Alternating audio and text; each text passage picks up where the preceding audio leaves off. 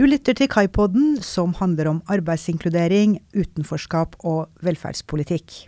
Mitt navn er Terje Sadegi, og jeg forsker ved Arbeidsforskningsinstituttet her på Oslo OsloMet.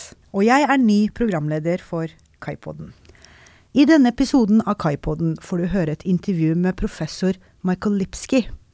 I sin svært innflytelsesrike bok Street Level Bureaucracy Dilemmas of the Individual in Public Services publisert i 1980, lanserte Lipsky teorien om bakkebyråkrater.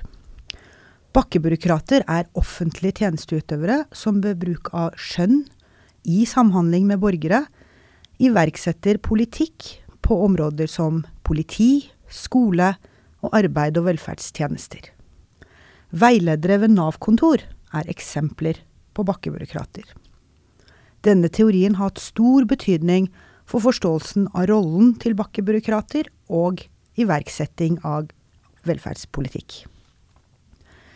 Lipski vil i denne episoden forklare hvorfor skjønn i bakkebyråkratiene er uunngåelig, og hvorvidt det kan sies å utgjøre et demokratisk problem. Videre får vi høre hans refleksjoner om rammene for skjønnsrommet, samt hvordan organisatoriske og individuelle faktorer kan virke inn på skjønnsutøvelsen. Dear Professor Lipsky, thank you so much for accepting my invitation to this conversation about street level bureaucracy and welcome to our Copenhagen studio. In 1980, you published one of the most influential books within the field of public administration entitled Street Level Bureaucracy Dilemmas of the Individual in Public Services. And this work has received wide international recognition. It has been cited over 20,000 times and cultivated ample research ever since its first publication. Today, I would like to have a conversation about one of the main themes in your book, namely the exercise of discretion in street level bureaucracies. But first, could you please explain the meaning of street level bureaucracy, which you launched in your seminal work? More specifically, what is street level bureaucracy and who are street level bureaucrats? Well, thank you for the opportunity to participate in this uh, series of talks. Uh, in 1980, I wrote a book called Street Level Bureaucracy, and it uh, focused on the theme that public policies in many areas are essentially delivered by individuals who work for the public. Uh, and not only that, but that they shared certain common characteristics. So before the book was published, people talked about police, they talked about social workers, they talked about teachers, uh, and one of the uh, um, important uh, contributions of the book was that I tried to describe how these different occupations had common th- commonalities. And those commonalities included that they interacted directly with citizens and that they were expected to exercise discretion in their work. Now, one could say, well, why discretion? And the reason is that however much you elaborate rules for welfare, for police work, and so on, you don't, you can't uh, write a rule to cover every circumstance. There's too much ambiguity in any encounter with citizens. Let's take the police just for example. Uh, the police can uh, detain someone if they are behaving inappropriately or with possible criminal in- intent. But inappropriate behavior or possible criminal intent must be uh, evaluated.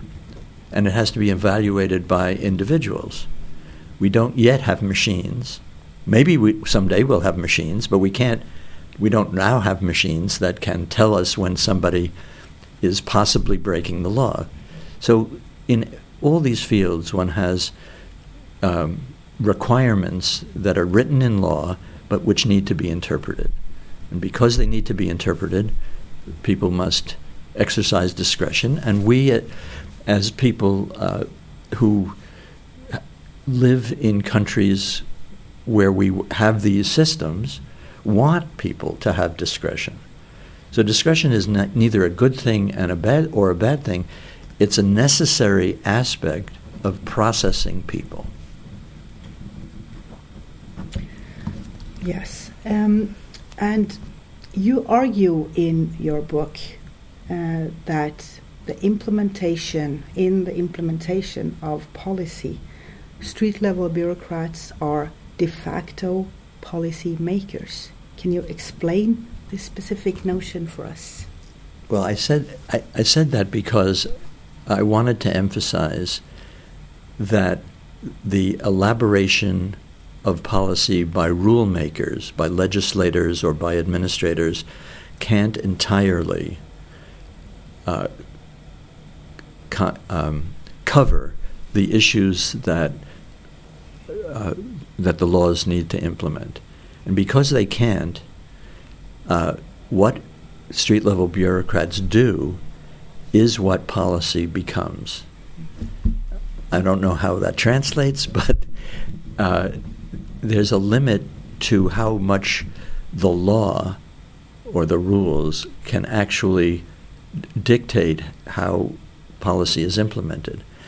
And since that's the case, there is a re, le, there is a uh, portion of policy that is open to discretion and since it's street level bureaucrats who exercise the discretion, street level bureaucrats to that extent make policy, or in quotes, make policy.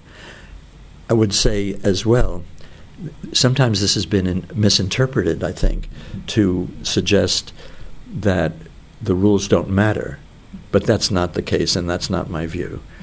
So the, the street level bureaucrat is like a police officer or a welfare worker, are implementing laws, implementing rules, but to a degree they have discretion in the, in the implementation. Mm-hmm. And from a normative standpoint, would you say that this room for the exercise of discretion uh, should have borders? And what should these borders look like? How should they be framed in street level bureaucracies? That is a very good question, and it uh, it certainly isn't easy to answer, and it cer- it also uh, can't be generalized about. Um, we don't want robots on the street, and therefore we want we do want p- police to exercise some discretion.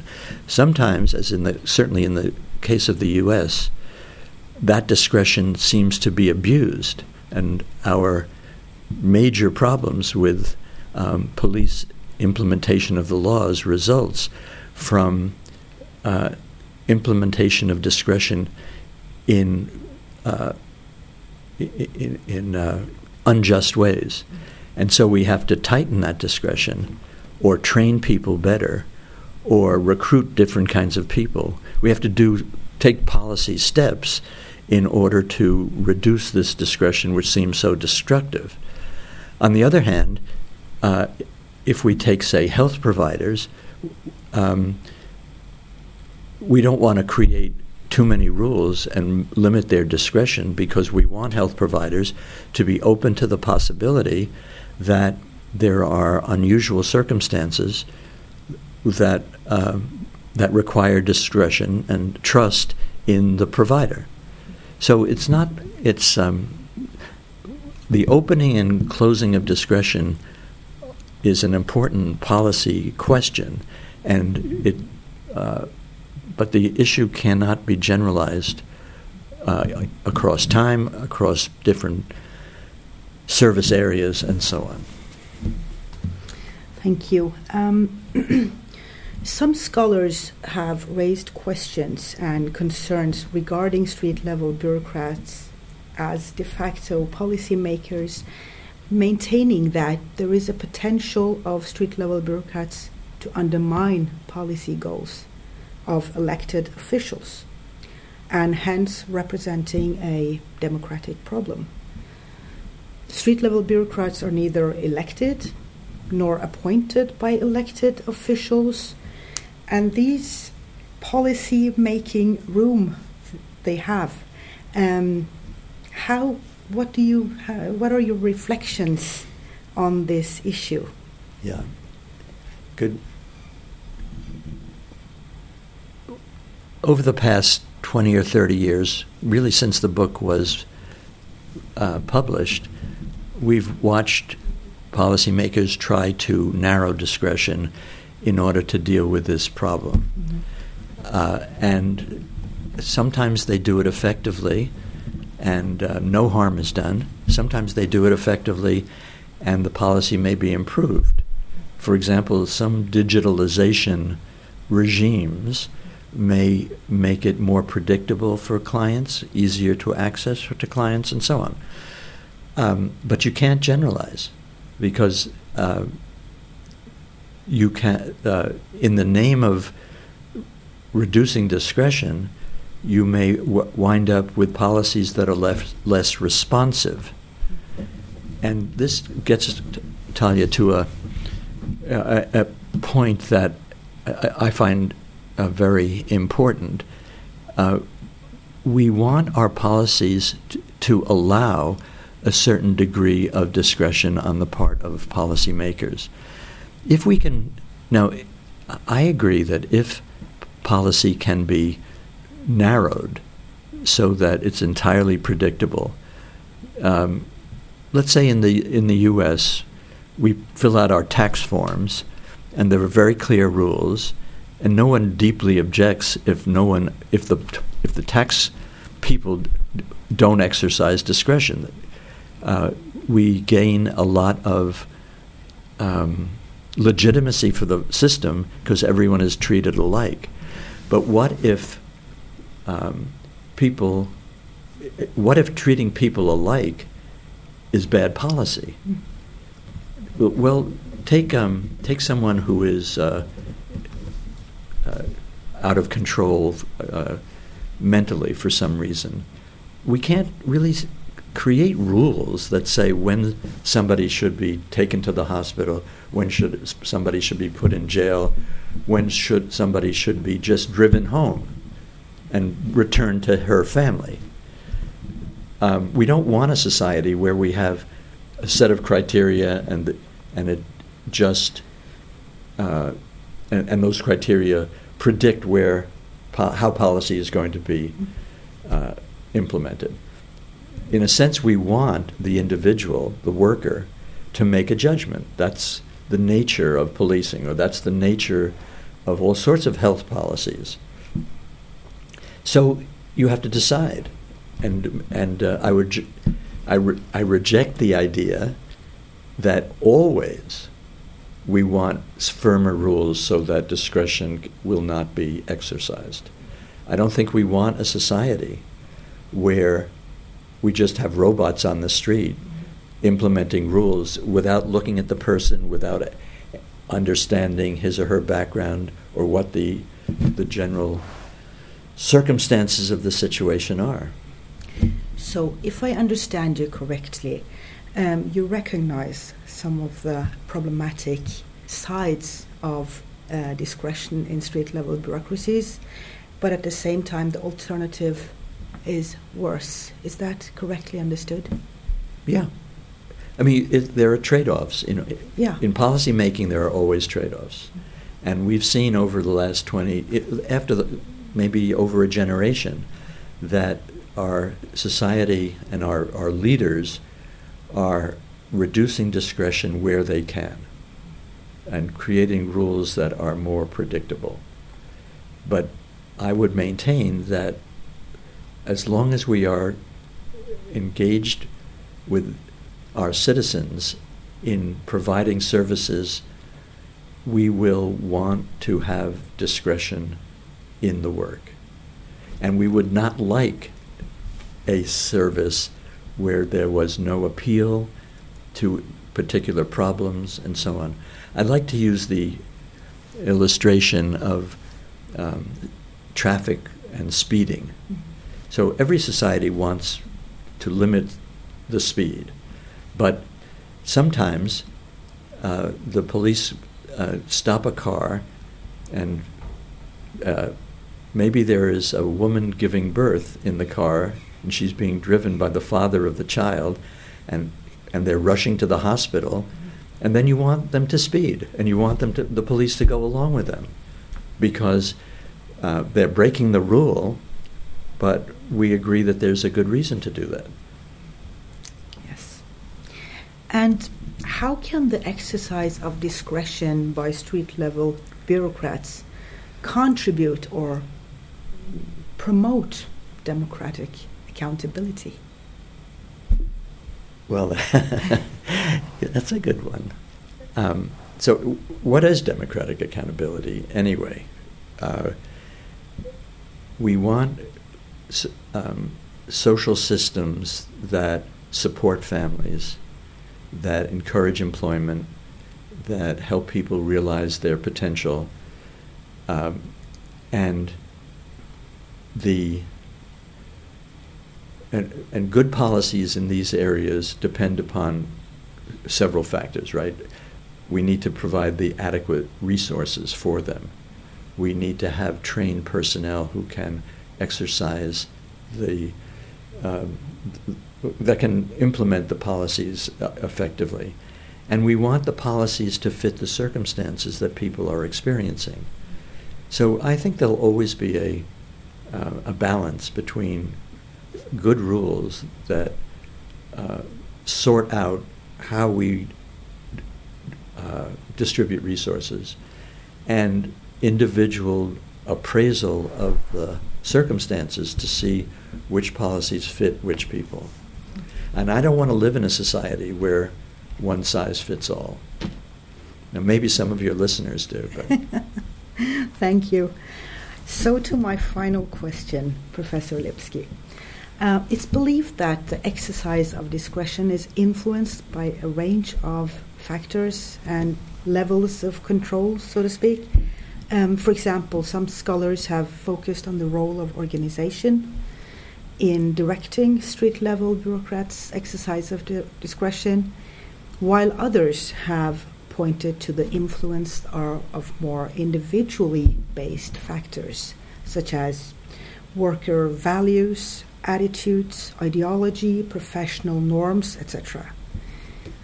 Um, what are your reflections on this issue, and how do you consider the relative importance of and the interplay between these two levels of impact on street level bureaucrats' exercise of discretion? well, I, I, won't surprise you with my response. Uh, every circumstance probably requires a, a, uh, the interaction of both levels of concern. You want thoughtful rules that are uh, appropriate to the, si- the situation. You want adequate resources to pr- realize the uh, the objectives of the policy, and you want uh, thoughtful and well trained individuals to implement the policy. And what I've noticed over over these years is that policymakers are constantly uh, ma- trying to manipulate these systems in order to get better results, or or results that they favor. I mean, you know, there are big debates in the welfare state about uh, whether it's too costly, uh, whether we can find cost savings and so on. And I don't, uh, I, I, I, don't condemn efforts to save money. And it's an, the important reason is, is that if you can save money uh, by having a bureaucratic uh, fix of some sort, you'll have more funds for other things to do. So you know, money for, money to support government uh, and its policies, uh, it should be worried about because w- we need it for other things that we haven't yet been able to fund because we don't have the resources or think we don't. Um, so this all leads me to uh, go back to a, a generalization that might not be satisfying, which is that um, that you need to do both. And uh, I, I think um, you know if this is the final question, a uh, you know a final thought might be that it's too easy to say that there'll be a policy fix without thinking about the workers who will implement that fix. And an important point is that when individuals um, meet the state, when, when they actually encounter government, they encounter it in the schools, on the street with the police, in the welfare work, in, in help, being helped to get a job, and so on. So, how we um, how we regard those frontline workers is a critical part of how we present ourselves to ourselves. Thank you so much, Professor Lipsky, for taking your time to share your reflections on street level bureaucracy with us. Du har lyttet til Kaipodden, og mitt navn er Telje Sadegi.